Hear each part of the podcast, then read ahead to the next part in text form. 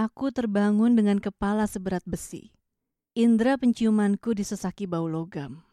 Ketika mataku mengerjap, kutemukan pecahan botol vodka dalam genggaman hingga merobek telapak cukup dalam dan mengalirkan banyak darah. Berlumuran ke lengan, seprai sampai dinding.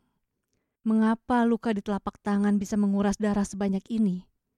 Setelah menuruni ranjang, kutemukan tubuh Bi Ijah meringkuk lesu di lantai. Pekikanku tersumbat di tenggorokan. Dengan gemetar, ku dekati tubuhnya yang lunglai.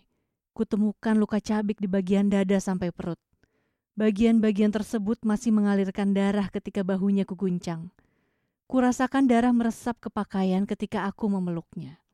Bau logam kian menyengat. Aku rela melakukan apa pun demi mendengar Bi Ijah memberitahuku bahwa roti isi selai serikaya kesukaanku sudah disiapkannya di atas meja. Sebagian sudah dia masukkan ke dalam kotak makan siang untuk bekal, sementara sisanya bisa kumakan sebagai sarapan. Aku sama sekali tidak menginginkan pemandangan sepasang mata Bi Ijah terpejam di wajah keriputnya. Bi Ijah, bangun.